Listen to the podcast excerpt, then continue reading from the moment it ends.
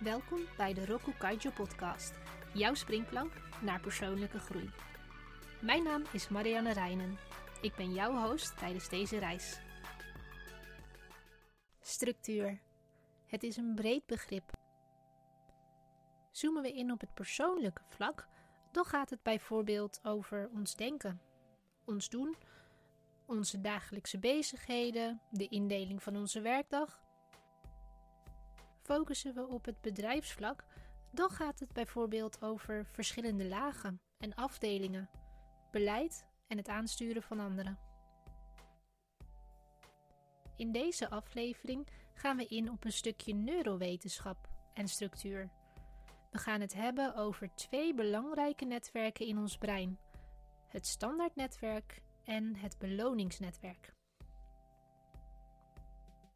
1 het standaardnetwerk.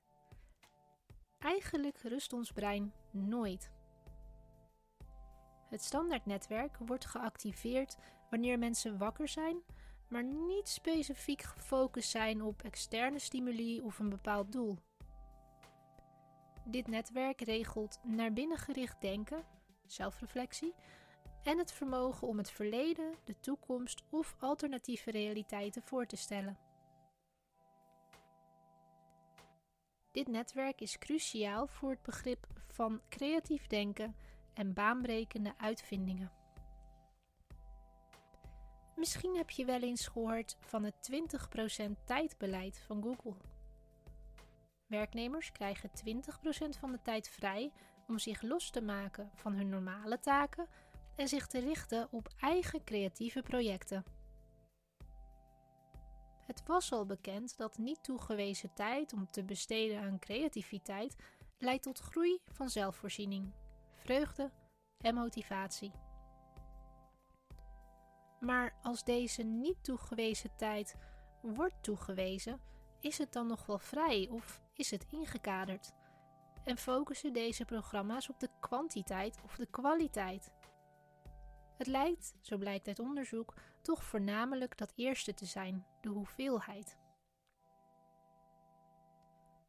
Weitz en Mason suggereren in hun artikel voor Harvard Business Review dat het een betere benadering zou zijn om te focussen op de gecreëerde kwaliteit van de ontkoppeling.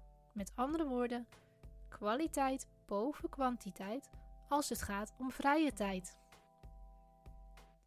om terug te grijpen naar de eerdere serie over time management, niet zoveel mogelijk in zo kort mogelijk tijd proberen te stoppen.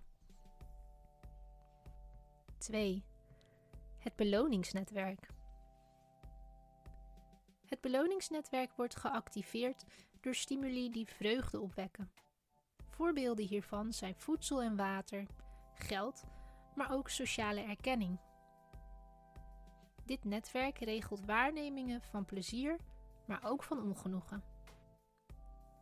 Het is cruciaal voor het begrip van motivatie en prikkels. Een wellicht onverwachte trigger van het beloningsnetwerk is het anticiperen op leren.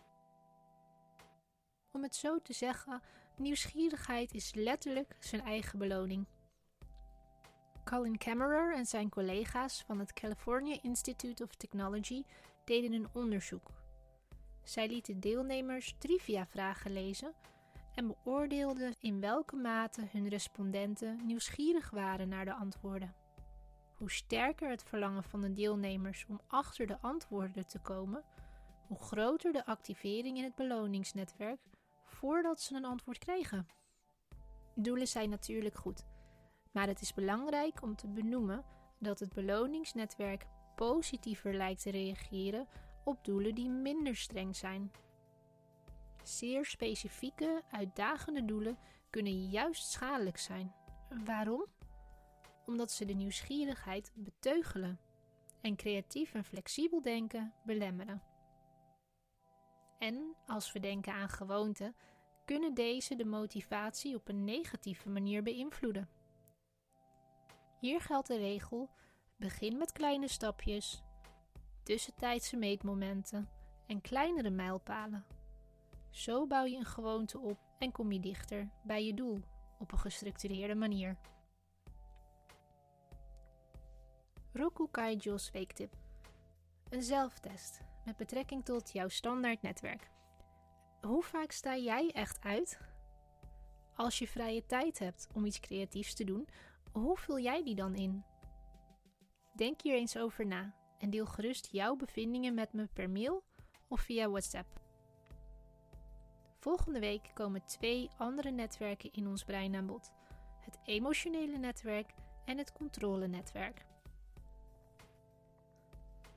Bedankt voor het luisteren naar de Roku Kaiju podcast.